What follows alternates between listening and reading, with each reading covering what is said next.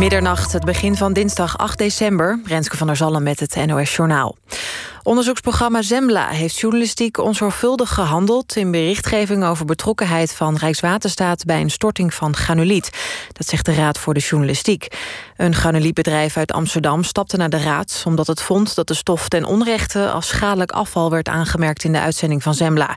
Rijkswaterstaat gaf uiteindelijk de vergunning... om het granuliet te storten in de natuur. De Raad tikt Zembla nu op de vingers... en zegt dat het Amsterdamse bedrijf inderdaad, strafbare, inderdaad van strafbare feiten... werd beschuldigd door deskundigen... maar dat dit onvoldoende werd genuanceerd. De Britse premier Boris Johnson gaat deze week naar Brussel... in de hoop een doorbraak te forceren in de brexit-onderhandelingen. Johnson en de voorzitter van de Europese Commissie... kwamen vanavond met een gezamenlijke verklaring. Daarin zeggen ze dat er nog steeds belangrijke meningsverschillen zijn... over onder meer eerlijke concurrentie en visserij... en dat een akkoord nog ver weg is. Wanneer Johnson precies naar Brussel gaat, is niet duidelijk. In Israël loopt het aantal coronabesmettingen weer flink op. Daarom heeft het kabinet besloten een avondklok in te voeren. De maatregel gaat woensdag in, één dag voor het Joodse feest Chanukka begint. Israël was in september een van de eerste landen... die voor de tweede keer een landelijke lockdown invoerde. Een maand later werd die weer versoepeld. Inmiddels zijn er weer zo'n 1300 nieuwe besmettingen per dag. In Veendam zijn op een school twee leerlingen aangehouden... nadat ze met een vuurwapen waren betrapt. De school heeft alle ouders per brief op de hoogte gebracht. Daarin schrijft de school dat er geen aanleiding is om te veronderstellen... dat de leerlingen iets van plan waren met het wapen... en dat ze zich ook geen bedreigende situatie heeft voorgedaan. De twee leerlingen mogen in afwachting van het onderzoek niet naar school. Het weer, opklaringen en een paar graden vorst. Ook is er kans op gladheid en mist. Morgen droog en wat zon en het is een graad of drie. Dit was het NOS Journaal. NPO Radio 1. VPRO. Nooit meer slapen.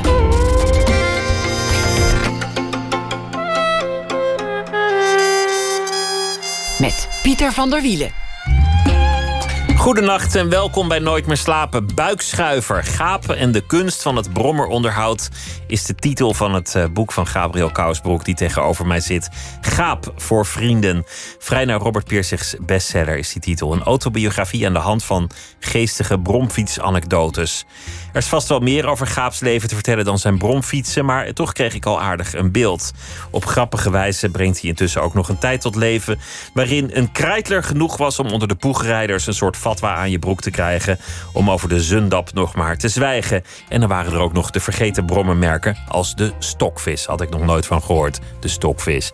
Gabriel Kousbroek, tekenaar en illustrator... schreef eerder een geïllustreerd werk... Kousbroek over zijn jeugd als punkertje... in de Amsterdamse kraakwereld... en zwervend door Parijs in verzet tegen de beroemde vader.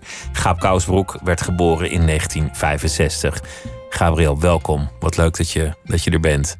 Uh, dankjewel, Pieter. Pieter, dankjewel. Het, um, het, is, het is een ontzettend leuk idee om, om eigenlijk aan de hand van al je brommers en, en de verhalen daaromtrent je levensverhaal te vertellen. Dat is een, uh, een goed begin. Ik uh, hoop dat ik uh, nog vele delen van mijn levensverhaal aan het grote publiek kan slijten. middels allerlei dingen zoals brommers, maar bootjes kan ook natuurlijk. Want je bent eigenlijk van de brommers inmiddels, denk ik, naar de bootjes doorgegaan ja, geschoven. Dat klopt, ja. Wanneer hield het op met de brommer? Uh, het hield zo'n beetje op uh, begin jaren negentig... toen uh, alle vehikels en brommers die ik had... door mijn medekrakers in mijn afwezigheid bij de grootvuil zijn gezet. Je dacht, die haal ik nog wel een keer op. Die liggen daar goed, want daar is plek zat. Ja, en, um, maar ze hielden een opruimactie. En toen ik uh, een paar maanden later langskwam, was alles weg. Nooit meer een brommer gekocht daarna? Nee, ja. Uh, nee, eigenlijk niet. Ik, um, ik, ik was al toen al aan de bootjes. En um, ik heb inmiddels, denk ik, evenveel bootjes als uh, brommers versleten. En uh, later heb ik nog mijn rijbewijs gehaald voor de auto, weliswaar, niet de motorfiets. Dus uh, ja, ik heb nu een, een bootje, een fiets en een auto. En ik vind een brommer eigenlijk iets te veel. Alhoewel, na al dit geschrijf en geïnterview hierover, ik af en toe de neiging krijg om te gaan brommen. Het is, het is een beetje iets van een voorbije tijd. Hè? De, de brommer, mensen die noemen het tegenwoordig eerder een scooter. Ze worden ook langzaamaan elektrisch. Maar de tijd die jij oprakelt, dat, dat je gedefinieerd werd door het merk dat je reed. Volgens mij is dat veel minder. Dat een schakelbrommer nog een statussymbool is. Nou ja, het is een statussymbool, maar het heeft, het heeft de, de status van een rariteit uh, gekregen. Het is iets wat je bijna niet meer ziet. Zoals hele antieke auto's uh, voor opschudding zorgen in de binnensteden. Datzelfde geldt voor de brommer. Het is, een, het is een, een rariteit. Je ziet het bijna niet meer. Hoe begon het dat je, dat je dit boek ging schrijven? Hoe, hoe is dat zo gekomen? Want, je, want je, je schreef al één verhaal in je vorige boek. Die herkende ik. Ja. Um, maar wanneer kwam het idee van... goh, ik heb eigenlijk zoveel verhalen met, met de brommer. Nou ja, ik was een, een ander boek aan het schrijven. Dat uh, moest het Kousboek 2 worden. Um, en dat ging over de tijd dat ik een galerie bezat... samen met een paar vrienden. Um, dit speelde in de jaren tachtig. Ik had die galerie tussen uh, 1993 en 1995. En um, daarin beschreef ik uh, de kunstenaars die daar exposeerden... en de perikelen die je hebt als je een galerie runt met weinig geld. Maar het ontbrak mij aan een soort rode draad... waarmee ik alles aan elkaar kon binden... Uh, in het verhaal. En uh, daardoor raakte ik in een soort van writersblok. En die duurde drie jaar lang. Echt verschrikkelijk lang. Als je niet kan schrijven, dat is echt afschuwelijk. En uh, ik was op een dag met, uh, met wat vrienden aan het ouwe hoeren en bier aan het drinken. En uh, toen kwam het ene na het andere brommerverhaal in me op. En toen dacht ik, dit moet ik opschrijven. En dit is eigenlijk veel leuker dan, een, dan het, het andere boek dat ik eigenlijk moest schrijven. Alles wat ik moet doen, dat vind ik dan vervelend. En als ik dan een uitvlucht kan verzinnen in de vorm van dit boek, De Buikschuiver, dan doe ik dat natuurlijk veel liever. En de, de buikschuiver, ik denk dat de gepensioneerde brommerrijder die nu luistert wel weet wat het was. Maar de buikschuiver, dat is als de tank als het ware tussen de benen zit. Ja, zit tussen de benen, min of meer tegen het geslacht. En de buddy zit aan. En um, zodoende wordt ook wel in motorfietskringen opgemerkt... Uh, heb je meer controle over het apparaat... omdat je hem stevig tussen je benen klemt. En het is ook een, een bijna erotisch gevoel als, als al die benzine klokt tussen, tussen je benen. Ja, en natuurlijk alles wordt warm. Uh, de motor wordt warm. Dus uh, nou ja, op een koude dag zoals dit... dan, dan is het fijn om een uh, warme motor onder je benen te hebben eigenlijk. Het eerste brommerverhaal gaat niet over het repareren van het ding. Veel andere verhalen wel. Maar de eerste gaat over het mollen van de brommer van de buurman. Ja. 1974 was het. Ja. En dit, dit was eigenlijk een, een heel gemene actie van, van de kleine gaap. Wat, wat hebben jullie toen precies uitgespookt? Nou ja, het, het, het begon allemaal heel onschuldig. Ik uh, had een vriend uh, op bezoek. En uh, van mijn oma hadden we een. Of had ik een uh, klein tweepersoons steentje gekregen. Die had ik opgezet in de tuin. En verder was ik met mijn vriendje aan het voetballen. En wat wel vaker gebeurde, de bal vloog over de schutting. En in het huis daarnaast zat een architectenbureau. En de conciërge van dat architectenbureau was een, uh, ja, een soort mopperkont... die de ballen dus in beslag nam en niet meer teruggaf. En dat gebeurde dus nu weer met die bal. En um, ik bracht de nacht door uh, met mijn vriendje in de tent. En de hele nacht zaten we te beraadslagen wat we konden doen om ofwel die bal terug te krijgen of die man een hak te zetten. Nou, en die man die had een oude uh, Kreidler floret. Die bewaarde die in het tuinhuisje. in de tuin van het architectenbureau. En um, ja, s ochtends vroeg zijn wij uh, over de schutting geklommen, hebben de, de Kreidler Floret uh, naar buiten gereden. Het was in het weekend, dus hij was er niet. De eigenaar van de Kreidler. En die hebben we heel vakkundig gesloopt. Met al het gereedschap van mijn vader... Eh, dat hij gebruikte om zijn auto's mee te repareren... hebben we de brommer echt vermoord. Daarom heet dat verhaal ook brommermoord. We hebben met messen hebben we de banden bewerkt en het zadel.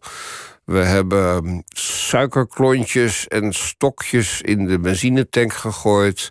Met een uh, hamer hebben we de koeling en de cilinders stuk geslagen. En uh, ja, we hebben, we hebben echt, echt een moord gepleegd op, op, een, op een kreidler. En waarom, waarom Brommer wordt vermoord, wordt eigenlijk een, een mens over de streep gejaagd. Ja, nou ja, die conciërge die, uh, toen hij de, die maandag dus terugkwam, hoorden we een enorme harde schreeuw. Wij moesten alweer naar school.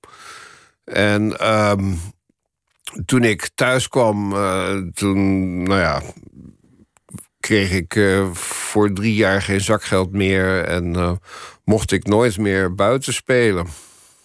Later zou het lot nog vele malen wraak op je nemen. Maar, maar je hebt jezelf min of meer in dit keer verraden... omdat je ook nog een briefje achterliet.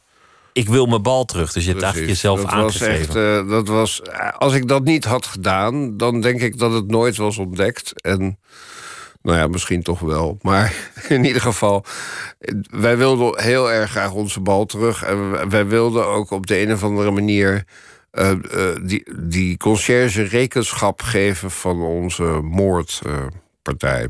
Waar die het aan te danken had. Ja. Van jou zouden brommers worden gestolen, eveneens vernield. Je zou een brommer terugkrijgen van de politie die jaren in het water had gelegen, of in ieder geval lange tijd in het water had gelegen. Ja, die brommer die was gestolen. Dus ik ging daarmee naar school. En op een dag was hij er niet meer.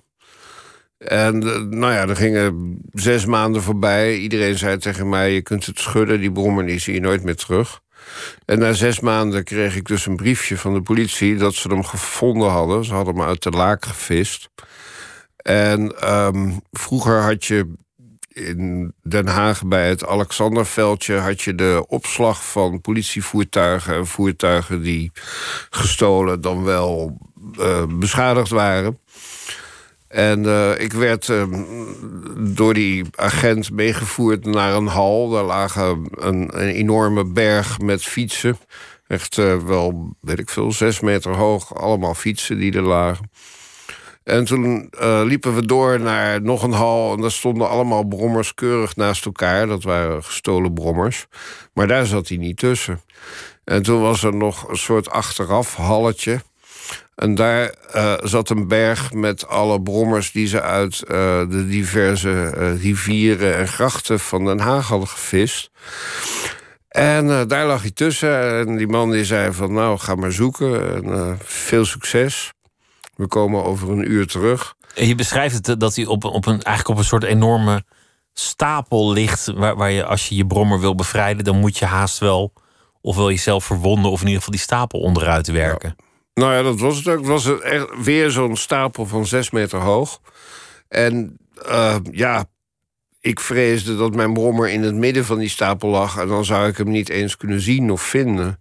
Dus ik ben uh, min of meer over die stapel heen geklauterd. En toen ontdekte ik net onder de top, zeg maar een meter of twee onder de top... zag ik een, een uh, ja, de hele karakteristieke uh, achterspatbord van mijn stokvis uitsteken.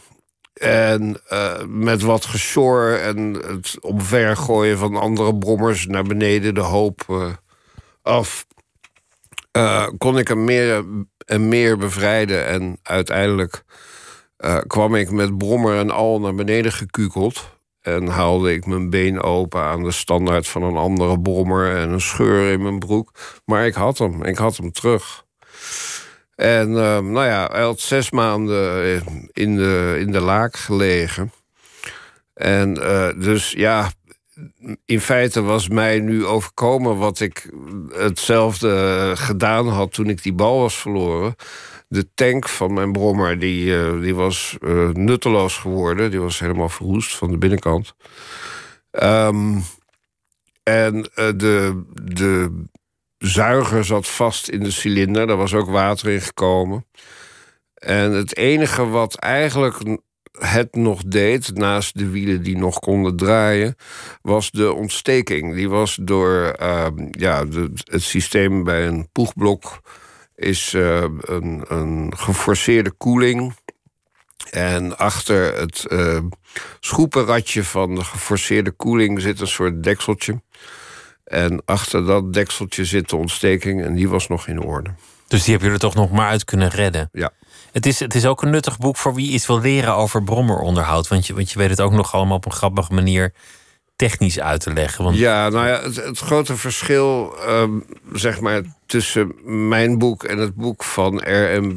Persig, uh, de zen en de kunst van het motoronderhoud, is hij beschrijft minutieus hoe je uh, met de, de, zeg maar de ratio en de logica um, um, stap voor stap uh, je, je motorfiets kan repareren. En ik doe eigenlijk het omgekeerde. Ik uh, leg eigenlijk uit um, hoe je een brommer kan repareren met touw en stukjes ijzerdraad en, en plakband eigenlijk. Dus mijn manier van repareren is niet zozeer.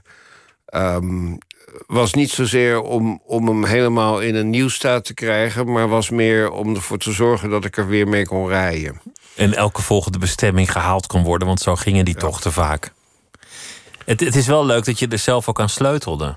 Ja, nou ja dat, uh, dat, dat was de hele kick eigenlijk. En uh, tot een zekere hoogte is het sleutelen aan een brommer of aan een auto of aan een andere uh, motor is heel leuk. Totdat je echt diep in, het, in, het, in de krochten van de motor zelf terechtkomt. Waar bijvoorbeeld een uh, versnellingsbakas in zit met um, wel ja, 30 kleine. Um, kogeltjes en, en piefjes die allemaal in een bad met olie bij elkaar worden gehouden. Maar zodra je die olie eruit laat en je probeert die verstellingsbakas eruit te halen, springen al die 30 piefjes en kogeltjes alle kanten op. En dan opeens kom je erachter dat het toch wel enige. Uh, ervaring en met goed gereedschap je zoiets. En natuurlijk 16 paar extra handen uh, tot een goed einde kan brengen. En dat lukte mij dus niet. Dus dan uh, deed ik dan maar het blok weg en kocht ik een ander tweedehands blok. Feitelijk was het niet meer rendabel. Dat, dat is dat, het enige waardoor het nog rendabel was die brommer te rijden, was dat jullie uurloon volledig gratis was. Ja, het is hobby, hè. Dat, uh, dat, dat was het ook uh, toen al uh, het was liefde uit papier. Het ging erom uh, dat uh, je lekker kon shinen, rijdend over de boulevard, meisjes oppikken en. Um, um, onder het mom van een kapotte brommer de meisjes ook het bed wist in te lokken de brommer is stuk, tot hier en niet verder blijf je slapen. Ja, zoiets. Zoiets. precies, of, maar dan beter, handiger geformuleerd, ongetwijfeld. Ik, ik vond het een ontzettend geestig boek. Je krijgt ook wel een beeld van, van wie jij was als, als jonge man. En, en dat, je, ja, dat je je verzette tegen alles waar je vandaan kwam. En dat je geleidelijk aan die krakerswereld inkwam. Wat je in je vorige boek ook hebt, hebt beschreven. Ja, dat klopt. Krijg ik een beeld van iemand die ja, niet wil deugen. Mag ik het zo omschrijven? Ja, nou, ik had een autoriteitsprobleem. Ik, uh, ik dulde geen andere autoriteit dan mijn eigen. En dat, dat, dat bracht mij eigenlijk. een autoriteitsprobleem. Ja, dat bracht mij eigenlijk voortdurend in problemen met iedereen. Zowel mijn vader uh, als. Uh, op school ging het. Ja, als mensen mij vertelden dat ik iets op de een of andere manier moest doen, dan wilde ik eigenlijk opnieuw het wiel uitvinden om erachter te komen of datgene wat ze zeiden ook werkelijk waar was. En alle mensen die uh, onzin verkochten, uh, puur uit uh, ja, machtswellust, die, daar weigerde ik dan vervolgens ehm, mee te praten of les van te nemen of wat dan ook. En um, dat uh, ging van kwaad uh, tot erger. En uiteindelijk belandde ik uh, door een bepaalde actie tijdens een, uh, een tegen Beatrix, die destijds in Den Haag kwam wonen, in het Huis ten Bosch. En dat paleis dat zou worden opgeknapt voor vele miljoenen. ondertussen was er woningnood en veel leegstand. En, uh, dus er was een, een demonstratie tegen die ontaarde in een rel. En bij die rel heb ik een steen gegooid waarbij ik een politieagent in zijn slaap raakte. Dus hij sliep niet, maar de steen ging tegen zijn slaap. En um, toen ben ik gearresteerd en flink in elkaar getimmerd en uh, in de cel gegooid. En van die cel weer verplaatst naar weer een andere cel en naar nog een cel en naar de officier van justitie en tenslotte uh, drie maanden in de jeugdgevangenis, de Sprang in Scheveningen, uh, doorgebracht. Dat is, is een flinke, flinke zit, drie maanden. Ja, maar gelukkig, de agent heeft het overleefd. Het was geen moord, want anders was ik een kopkiller geweest. En zou ik de rest van mijn leven uh, aanzienlijk verkort zijn. Maar het kwam allemaal goed, ook met de agent. En na drie maanden stond ik weer op straat. Heeft dat iets gedaan? Was het, was het daarna mooi geweest met, uh, met de nou ja, dat, uh, in zoverre dat... Uh, als je gearresteerd wordt, komt er een tegendemonstratie... en dan komen veel mensen met potten en pannen lawaai maken. Maar dat doen ze ook maar een dag en daarna gaan ze naar huis... en moeten ze ook eten en verder met hun leven. Dus toen ik na drie maanden uh, uit de gevangenis kwam... was de enige die mij opwachtte mijn moeder. En uh, ik had een soort paranoiale angst voor de politie gekregen. Als er een politieauto door de straat reed, dan dook ik achter een auto. Ik was. Um, ja, het heeft wel een flinke indruk op me gemaakt. En ik kwam tot de conclusie dat ik niet met geweld uh, mij gelijk wilde halen, maar met uh, mijn tekenwerk en uh, drukwerk wat ik toen maakte, zeefdrukken. Je werd eigenlijk wat, wat braver daardoor. Ik ben, ja, ik ben, ik ben echt daardoor zo ontzettend braaf geworden dat ik de eerste paar jaar daarna durfde ik eigenlijk helemaal niets. Ik had ook een, een, hoe heet het, een proeftijd van een aantal jaar. Dus als je dan nog een keer gepakt wordt, dan ga je meteen, uh, weet ik veel, een jaar de bak in of zo. Dus dat zag ik niet zitten. Nou, dit voor de mensen die denken dat gevangenisstraf niet werkt. Bij jou heeft het eigenlijk wel gewerkt, zou je kunnen zeggen. Ja, nou ja, in de gevangenis zitten is, is, is ik denk tegenwoordig is het helemaal afschuwelijk. Maar toen was het ook al behoorlijk erg, want er is niets te doen. En je mag ook niks doen. Dus ja, het enige wat je doet is daar zitten en met je duimen draaien. En, um, en wachten totdat je gelucht kan worden. En dat is het dan. En proberen de andere gevangenen te vermijden. Dat is tegenwoordig een heel ander verhaal dan het toen was, zeg maar. Het is ook al lang geleden natuurlijk. Ja. Je, je, ehm, je eerste boek ging voor een groot deel over je vader. Rudy Kousbroek, de, de beroemde eminente schrijver en, en columnist, et cetera. En, en ook over je moeder, Ethel, die, die ook een, een bekend schrijver was. Is, is het eigenlijk een last om zulke bekende geprezen ouders te hebben? Of, of is het is toch een voordeel? Nou ja, het is iets. Uh, als je kijkt uh, in de mediawereld om ons heen, zie je alleen maar dynastieën ontstaan van. Zoontjes van. Zoontjes en dochters van beroemde ouders die dan weer verder gaan om de dynastie te verlengen. En die gaan dan weer in de showbiz of ze worden schrijver of tekenaar, wat dan ook. Dat, dat, ja, daar ben ik er dus één van. En uh, in zoverre zou je kunnen zeggen dat het een last is, omdat overal waar je komt, is dat de eerste vraag van: oh, je bent de, de zoon van beroemde ouders, dus. Zoals ik het nu ook vraag. Ja, maar jij vraagt het op een andere manier, dus uh, daar kan ik nog wel mee leven. maar het, ik ga je niet meteen slaan. Nee, maar het gekke is natuurlijk dat, dat je dat ook beschrijft in je, in je eerste boek, van dat, dat het, nou ja, eigenlijk heel vaak al heel snel over die vader gaat. Ja, en toch gaat dat boek ook weer over die vader. Ja, maar ja, het, ik vertel in dat boek mijn kant van het verhaal. En uh, het is een mengeling van uh, liefde en afkeer. ik bedoel, ik heb een hele hoop goede dingen van hem geleerd. Maar de manier waarop hij ze me leerde was vrij autoritair. Dus daardoor lag ik voortdurend met hem in de clinch. Maar het wil niet zeggen dat ik hem zeg maar, zo erg haatte dat ik hem dood wilde hebben. Dat absoluut niet. Er zijn vele gradaties van een hekel aan iemand hebben of moeite met iemand hebben of, of al dat, soort dingen. Ja, nou ja, goed. Het, uh...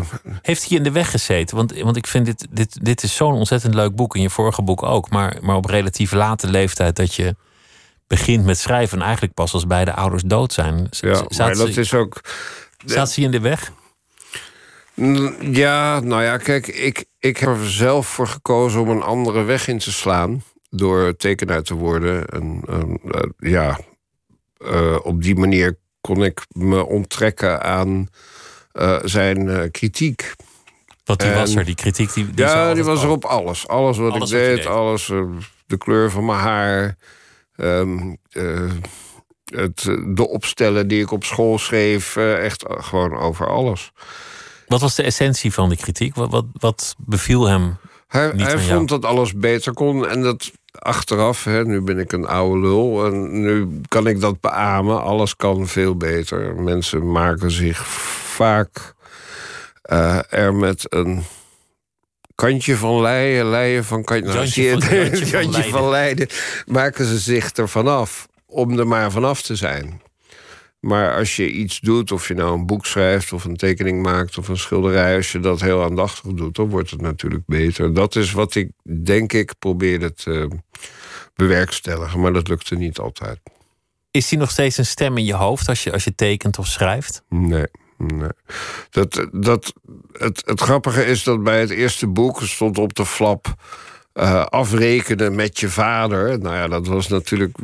Hè, dat, dat zetten ze op zo'n flap, zodat mensen nieuwsgierig worden en het boek kopen. Maar voor mijn gevoel was dat niet, niet werkelijk zo. Ik wilde alleen vertellen hoe ik het heb ervaren. Uh, om met hem en mijn moeder op te groeien. En uh, zeg maar de ja, uh, ze zijn nu dood. En uh, ja, dan uh, als je heel graag iets wil doen wat precies het métier is van je ouders, zolang ze leven, dan probeer je die eigenlijk die kritiek te ontlopen. En zodra ze dood zijn, kun je doen wat je wil. Dat, die, die die stem is verstomd. Ik heb niet het gevoel dat mijn vader of mijn moeder nu over mijn schouder meekijken. Je, je vader zei op zijn sterfbed nog tegen je dat je niet zou kunnen leven van het tekenen. Dat je er niet rijk van zou worden. Ja, ja, daar had hij ook wel gelijk in. Want, want uh, je kunt wel, ik kan wel leven van mijn tekenen, maar daarvoor moet ik heel veel baantjes naast elkaar doen. Uh, uh, voor verschillende opdrachtgevers werken. En het is geen vetbot. Ik kan ervan leven, maar het is, je wordt er niet rijk van of zo. Een, een beurshandelaar uh, of iets dergelijks. Of een. Of ja, ik weet het niet. Er zijn vele beroepen waarin je beter zult verdienen. Maar is, is het een liefdevolle opmerking om dat tegen je zoon mee te geven op zo'n laatste moment. Nou ja, goed, ik denk dat hij, me, dat hij me op de een of andere manier op het hart probeerde te drukken dat ik nog harder moest werken dan ik al deed. Maar het bevestigt het beeld van een vader die eigenlijk, wat je ook doet, het niet goed genoeg vindt. Dat is waar. Dat, dat je altijd langs een lat ligt en dat, je, dat je nooit zult winnen. Maar ja, goed, mijn moeder was heel anders. Die, die leerde me eigenlijk vooral heel goed kijken naar dingen en naar mensen. En, en uh, die manier van kijken heb ik van haar echt overgenomen. Dus een soort cultureel-antropologische kijk op de wereld. Waarbij je, uh, ja, om, om het uh, uit te leggen, is uh, dat ja, we zijn eigenlijk allemaal dieren. en we leven in stammen. En als je eigenlijk je eigen leven bekijkt, hoe Um, ja, uh, om met Desmond Morris te spreken, de Naked Ape. We zijn allemaal dieren. We hebben dan weliswaar kleren aan, maar we zijn net zoveel dier als een varken of een aap of een hond. Maar we zijn het vergeten dat we die dieren zijn. En dat is een beetje uh, waardoor veel problemen ontstaan.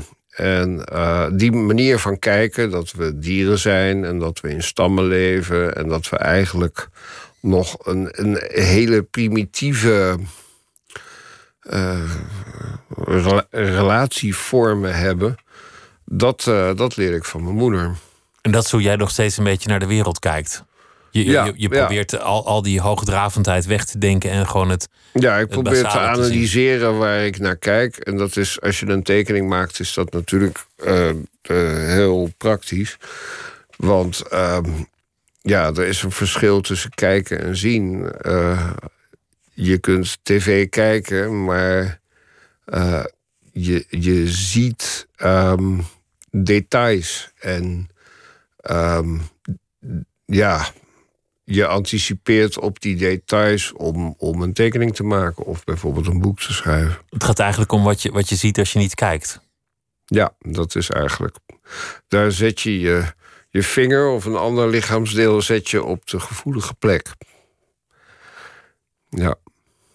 Je, je, je beschrijft, dat, dat vond ik een heel mooi voorbeeld, denk ik daarvan, dat, dat iemand jou als jonge man, een, een oudere dame, op je bek slaat nadat je je hebt voorgesteld en ze erachter komt dat je de zoon van bent. Ja. Want zij is als vele mensen in die tijd heel boos op, op Rudy Kousbroek, jouw vader, omdat hij heeft geschreven dat mensen die in een japperkamp hebben gezeten, dat hij niet dat moeten vergelijken met een concentratiekamp. Ja. Die vergelijking, daar heeft hij op zich wel gelijk in. Het ene was een, een soort doodsfabriek en het ander. Een, een interneringskamp. Een interneringskamp. Dus ik, ik snap wel wat hij bedoelde, maar het werd geïnterpreteerd als jullie moeten je niet zo aanstellen. En dat werd voor heel veel mensen heel gevoelig. Die vrouw slaat jou op je bek. En nadat jij netjes zegt... als je een probleem hebt met je vader... moet je het misschien met hem oplossen, niet met mij. Ja. Maar daarna vraag je aan haar... wat eigenlijk haar trauma is. Ja, en ik heb dat trauma heb ik niet goed onthouden en verkeerd opgeschreven. En toen kwam het boek uit en toen kwam ik die vrouw en haar dochters weer tegen. Want het was de moeder van um, een vriendin destijds.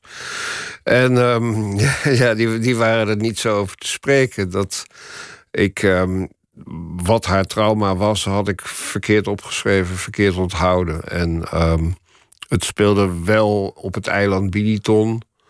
Uh, en ze had in een jappenkamp geze gezeten. Ik had geschreven dat ze daar verkracht was, maar dat was niet gebeurd. Maar er waren wel andere ontberingen. Maar wat ik, wat ik mooi vond, is dat, je, dat jij eigenlijk je buiten de situatie plaatst, buiten het conflict dat nog lang niet voorbij is.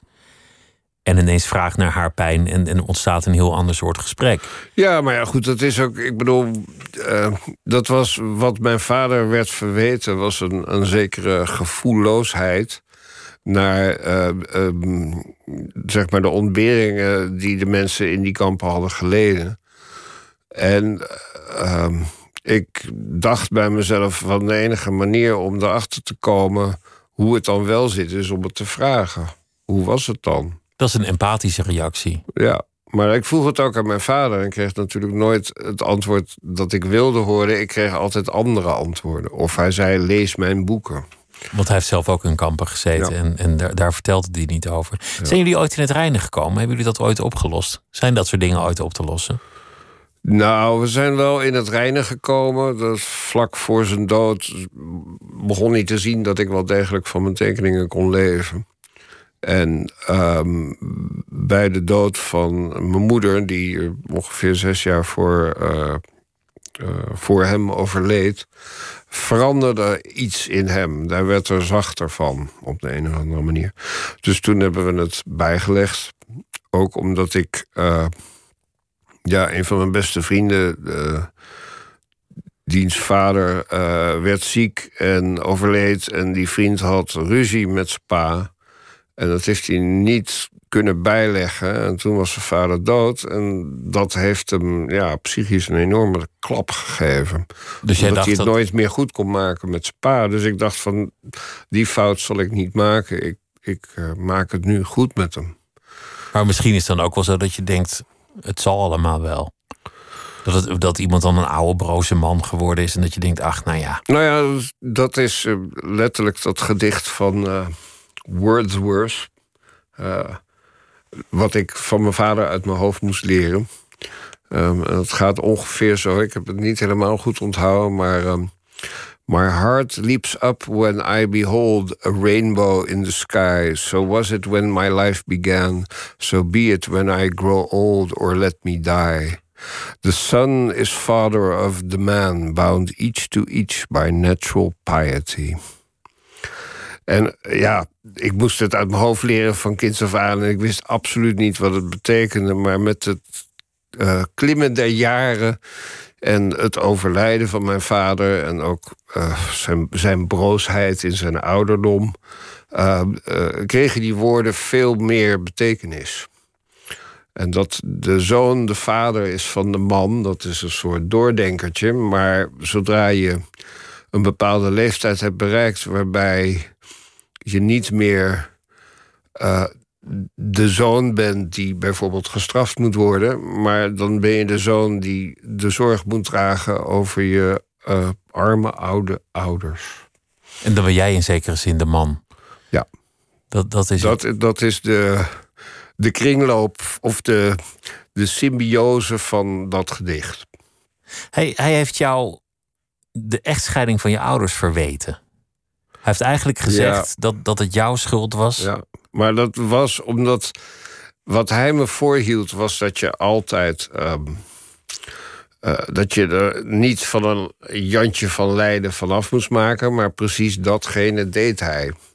In het huwelijk? Nou ja, naar mij toe. Hij zei gewoon van. Eh, eh, het is vanwege jou dat je moeder en ik uit elkaar zijn. Terwijl hij ging gewoon vreemd. Dus ja, dat was gewoon larikoek. En, ik wist ook dat... hij vreemd ging, dus het was echt bullshit. waarom zou dat dan jouw schuld zijn? Wat, wat, wat is dat? Waar, waarom nou ja, dat, dat?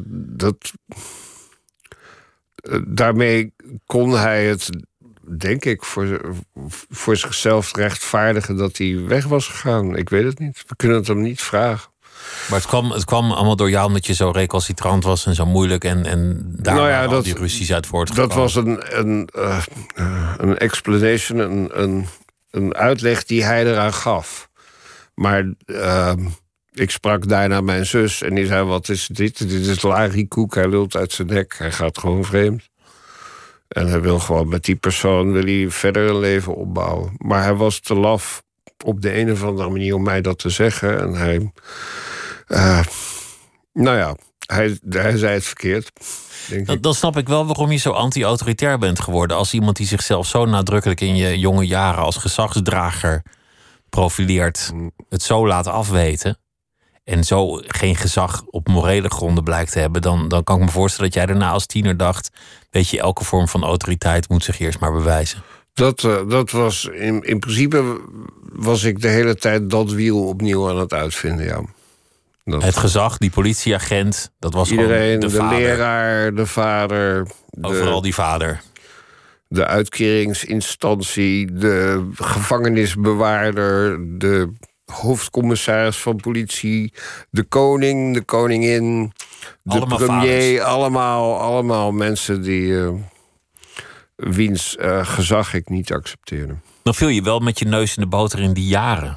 De jaren 1980. Want recalcitrantie was toen ook wel gewoon modieus. Ja. En er was verder ook niet zoveel te doen dan recalcitrant te zijn vanwege de economische situatie.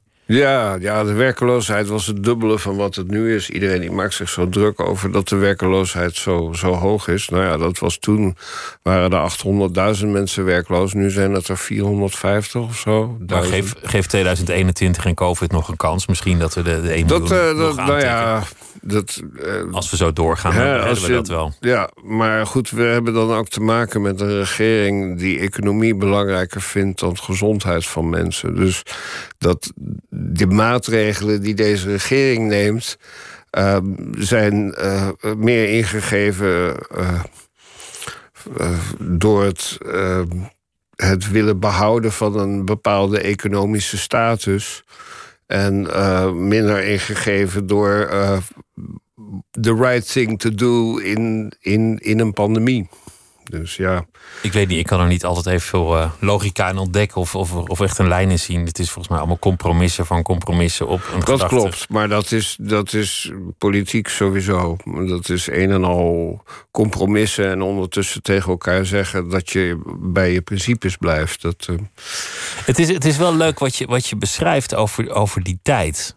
Dus eh, jij, jij, komt, je gaat naar de, de academie en dan kom je in, in Amsterdam terecht als, als kraker.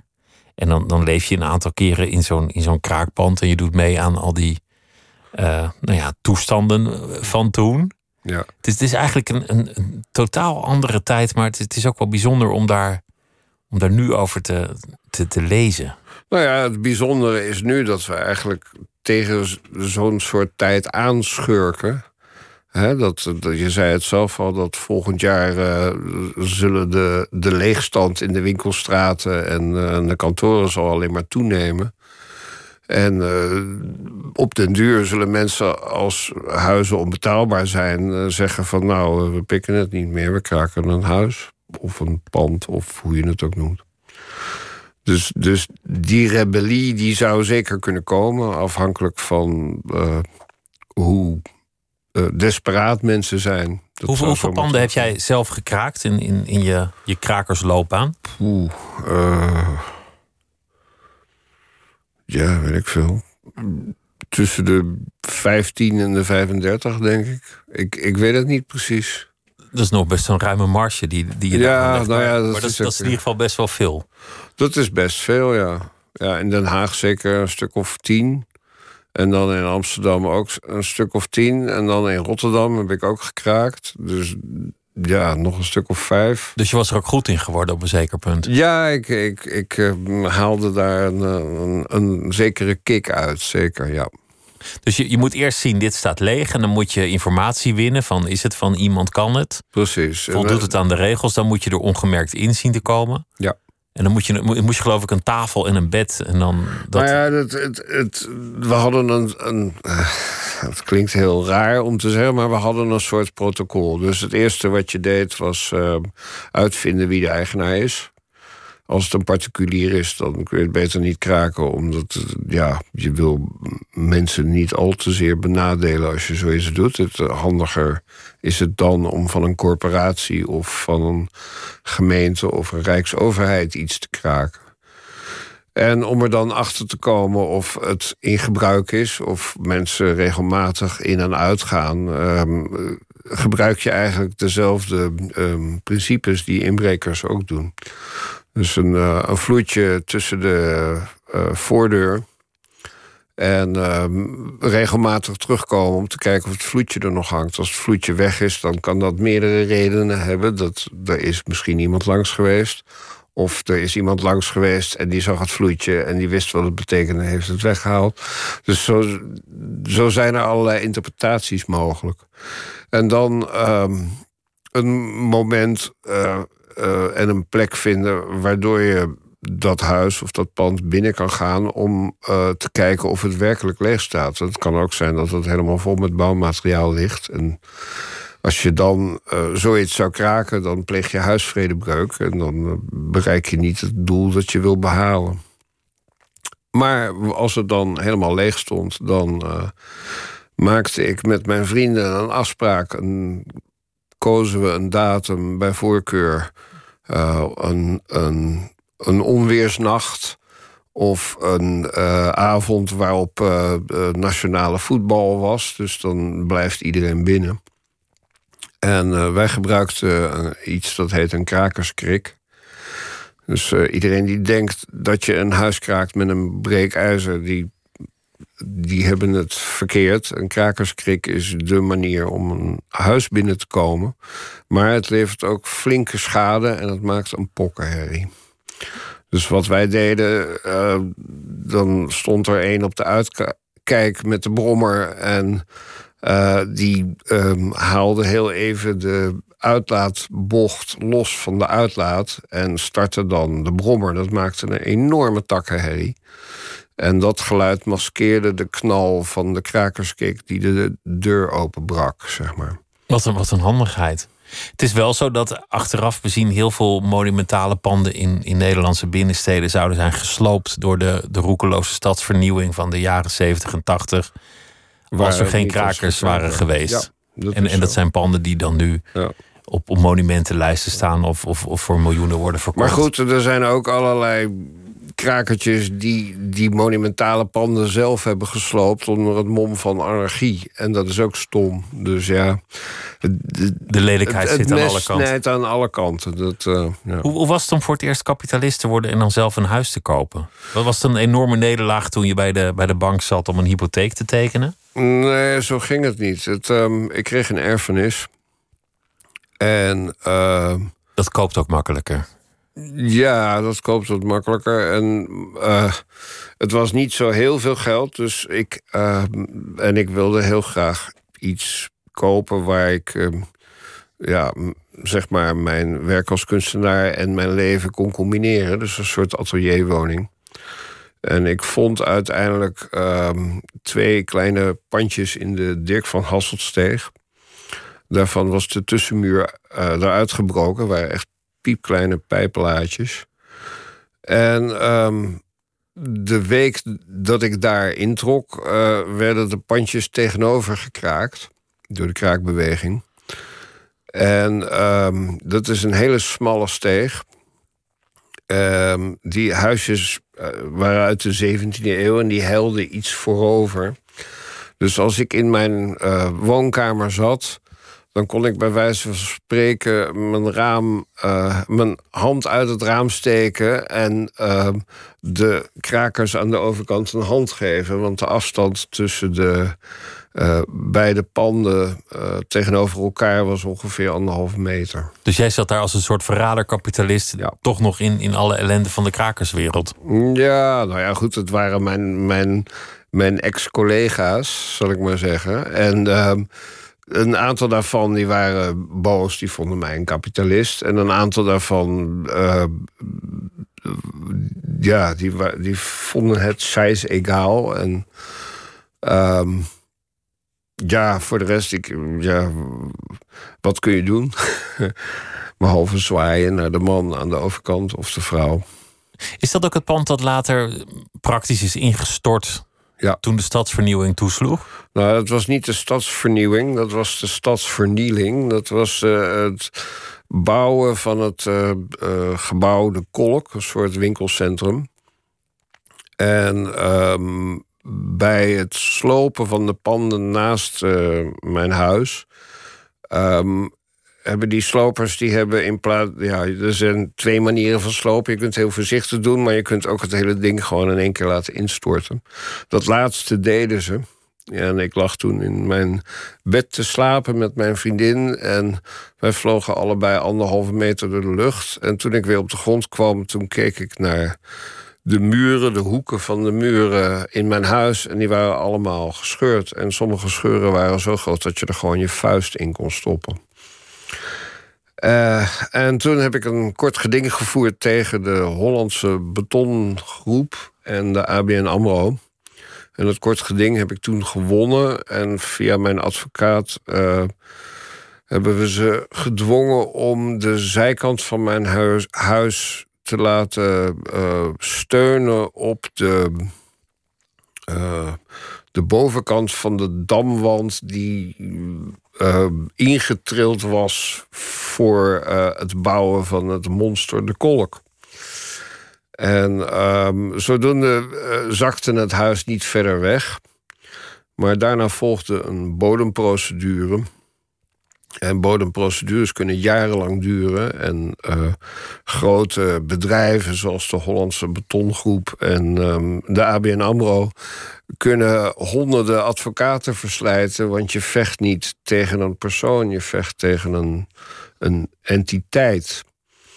Terwijl uh, ik had al die tijd dezelfde advocaat. En, uh, Kon die eigenlijk niet betalen als tekenaartje? Ja, precies. En dus dat ging mis uiteindelijk um, heb ik die rechtszaak verloren wegens een clausule van de verzekeringsmaatschappij van de Hollandse Betongroep.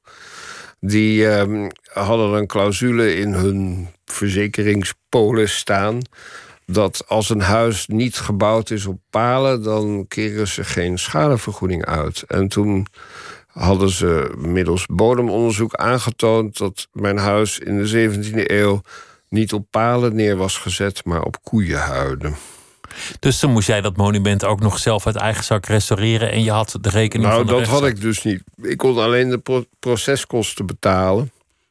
En eh, daarna heb ik het huis te koop gezet. Want de restauratiekosten waren, ja, zeg maar een miljoen. Het was ook niks meer waard, neem ik aan. Nou ja, de grond is natuurlijk heel veel waard. Het was in de binnenstad. Dus ik kreeg allemaal hoe heet het, eh, biedingen van speculanten en projectontwikkelaars... die dolgraag mijn, mijn huisjes wilden slopen... om er een, een nog monsterlijker object daarvoor in de plaats te zetten. Uiteindelijk, daar ging ik dus niet op in. En toen kwam Stadsherstel. En dat zag ik wel zitten, want die wilden het restaureren. Dus ik heb het voor minder geld dan, dan wat het waard was verkocht aan Stadsherstel. En die hebben het nu helemaal gerestaureerd. Dit is de tijd dat het Amsterdam nog veel rommeliger was dan, dan het nu toch nog steeds ook wel is. Maar je, je, je, je, Amsterdam is nu heel erg aangeharkt hoor. Dat, is- dat kun je moeilijk vergelijken met het hoe het zootje toen dat was. het toen was. Ja, dat is waar. En jij woonde dan ook nog in die tijd een, een periode lang midden op de Wallen, op de, op de Zeedijk. Ja. Wat, wat, wat toen ongeveer was als wonen in, in Dantes Inferno. Ja, of zoals mensen denken hoe het is om te wonen in Dantes Inferno. ja, nou ja, het, het, was, eh, het was vrij heftig toen ik daar eh, kwam wonen. Het was een huurhuis. Ik, ik had daarvoor gekraakt gezeten in de statie de buurt. En eh, iemand gaf me een tip dat ik dit huis kon huren. En ehm, toen ik daar kwam verhuizen, wat op zich al heel lastig is, want je mag daar met je auto niet stilstaan. ehm, kwam een van de buren zeggen van pas maar op, eh, kereltje, want de Zeedijk komt eh, zo via de trap bij je naar boven naar binnen. Dus En doe de deur goed dicht en op slot. Ja, en ik zou van ja, het zal wel. En, eh, maar ja, precies datgene gebeurde. Dus ze bleek gelijk te hebben. de buurvrouw. Want, want het, het verhaal dat op een zeker ogenblik jouw huisbaas zei van oké, ik je kan even je huur niet betalen, maar als je iemand bij jou laat logeren, dan, dan scheldt het je die huur voor twee maanden kwijt. Ja, dat klopt. En dat, dat bleek een soort, soort merkwaardige crimineel die met een pistool op jou. Het was een, een, een. Nou ja, ik, ik heb het verhaal in mijn eerste boek eh, Hitman voor huurverlaging genoemd. Maar die man, die was. ehm, mijn huisbaas. eh, was voor, voordat hij mij dat vroeg, had ik helemaal geen indicatie dat hij een, een soort criminele. ehm, eh, leven had. Maar. ehm, toen hij, hij vroeg mij dus van, nou, wil je die persoon in huis nemen? Hij komt uit Israël en eh, als je hem twee weken bij jou eh, laat logeren, dan ehm, hoef je drie maanden geen huur te betalen. En eh, ik had niet veel geld, dus dat zag ik wel zitten. En nou ja, die man die komt ehm, met een enorme sporttas, echt een beer van een gast. En eh, ik ga naar de Rietveld eh, met mijn brommertje. Ik naar de Rietveld en ik kom weer terug. En ehm, ja, ik kom thuis en hij zit gewoon aan tafel... zit hij een Barretta 9 mm schoon te maken. En ja, eh, ik zo van, wat de fuck is dit? Wat ben je aan het doen? En, en waarom doe je dit? Hij zo, ja, ik ben gevraagd door de huisbaas. Hij sprak Engels, hij was een Israëli. Eh, ik ben gevraagd door de huisbaas om druk op iemand te zetten. En ehm, dus eh, ja, daarom maak ik mijn barretta schoon. En eh, straks ga ik die druk op iemand uitoefenen. Nou, dus een paar dagen later kwam ik weer terug van Ritsveld. En ik zag een soort bloedspoor dat, nou ja, zo half over de stoep. En dan zo bij de voordeur en de deur open. En inderdaad, bloedspoor helemaal naar boven tot aan mijn verdieping. Ik woon op één hoog. En eh, daar kom ik mijn woonkamer in. En die man die ligt in mijn bed, eh, hevig bloedend. Eh, en ik vraag hem wat er was gebeurd. En hij zo van ja, dat hij werd opgewacht door degene die hij moest afschrikken. En die hadden een kogel in zijn voet gejaagd. En eh, of ik die er niet uit kon halen. En ik zei van, nou, geen sprake van. Je moet gewoon naar het ziekenhuis. Ik begin er niet aan. Hij zei, je wel, dat moet je wel doen. En hij richtte zijn pistool op mij. Dus hij dwong jou om, om, Ja. om hem te opereren. Nou ja, hij, dat hoopte hij. Eh, dus ik naar de keuken, die meteen naast de slaapkamer lag. En eh, een mes gepakt. En die op het fornuis, eh, precies wat je ziet in een film. Dat, ik dacht, ik doe dat ook, want eh, ja. Dus eh, verhit op het fornuis. Echt dat het rood gloeiend is. En met een tang dat mes gepakt. En naar hem toegelopen. En eh, nou ja, dat, zijn, nou ja, zijn been. Eh, heel veel bloed. Zat allemaal. eh, ja, hoe heet het? eh, verband had hij er zelf omheen gewikkeld. Dat moest ik allemaal weghalen. En ehm, er bleef maar bloed uit die wond stromen. En ja, ik met tang en al, want dat mes kon ik niet eens beetpakken, was te heet. Dus met tang en al hakte ik dat ding in zijn voet. Met de punt. En eh, hij schreeuwde het uit. En eh, volgens mij viel hij flauw. En toen dacht ik, eh, wegwezen hier zo. Dus toen heb ik met, mijn boven, met hulp van mijn bovenbuurman... hebben we hem de trap afgesleept. En eh, ehm, bij de speeltuin, dat is nu een Chinese tempel... maar dat was toen een speeltuin voor junks... eh, hebben we hem op een bankje neergezet met zijn spulletjes. En, eh, Bewusteloos en wel. bewusteloos en wel. En ben ik ehm, meteen met de trein naar Den Haag vertrokken. Ik dacht van, eh, ik, ik zie wel volgende week als ik terugkom... dan is hij vast wel weg. En dat was hij ook. En ik heb mijn huisbaas er verder niet over gehoord. Het, En, wat een ehm, verhaal. Ja, bizar. Je hebt, je hebt zoveel verhalen te vertellen. In, in, in je vorige boek, in, in dit boek. En ze zijn, ze zijn eigenlijk allemaal even grappig en, en geestig en, en leuk. Ja. Is het, is het eigenlijk vanaf nu dat, dat ik elke twee jaar zo'n boek tegemoet kan zien? Nou, ik wou dat ik zo hard kon schrijven.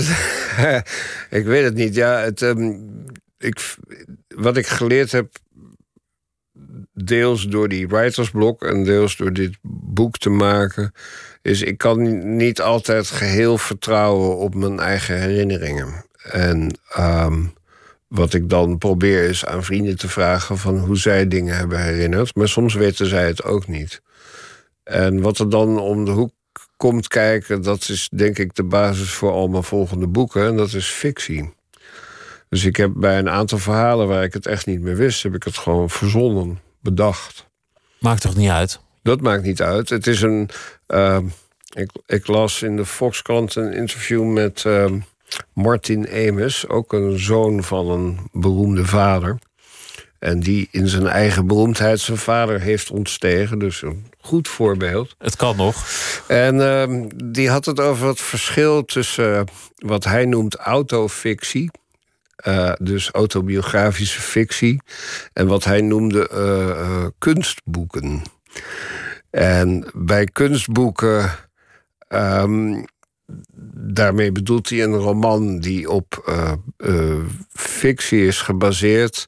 Maar waarin die fictie een soort plaats van schoonheid heeft. En dat bij autofictie, die dus gebaseerd is op je eigen eh, altijd een vorm van vuiligheid is. Ik vond het erg grappig. Mooi gezegd, inderdaad. Ja, ja. Het, ik had je ook nog willen vragen naar, naar, eh, naar, naar Gerard Reven. Ja. En, en jullie anekdotes en verhalen. En, en eh, eigenlijk zoveel dingen over Breitner. Ja. En, en natuurlijk ook over de Poeg en de, en de Zundap. En, Ja. eh, een, een bootje lijkt ook wel een beetje op een, op een brommer, hè, qua, qua Nou ja, het is, ik bedoel, er is een buitenboordmotor, er zit een motor op. En die gaat ook kapot. En er zit ook een ringetje in en, een laag. en zoals de tweetakbrommer verboden is in de, in de stad vanwege de uitlaatgassen.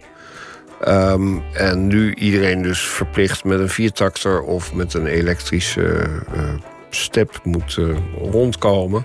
Is dat met die boten ook zo gaan? De tweetaktmotoren van de eh, buitenboordmotoren zijn verboden in Amsterdam. En als je dus wil varen, moet je of een elektrische boot hebben of een, ehm, een, een viertakt uh, buitenboordmotor. Ja, zo'n fluisterbootje. Toch minder leuk uiteindelijk. Gabriel Kousbroek, dank dat je langs wilde komen. En het uh, boek heet Buikschuiver, Gaap en de kunst van het brommeronderhoud. Het was me genoeg om uh, met je te praten. Dank je wel. Wederzijds, dank je wel. En dit was Nooit meer slapen. Morgen zijn we er weer. Met Def P, die staat te gast. Goeienacht. Ja, doe het goed. Op Radio 1, het nieuws van alle kanten.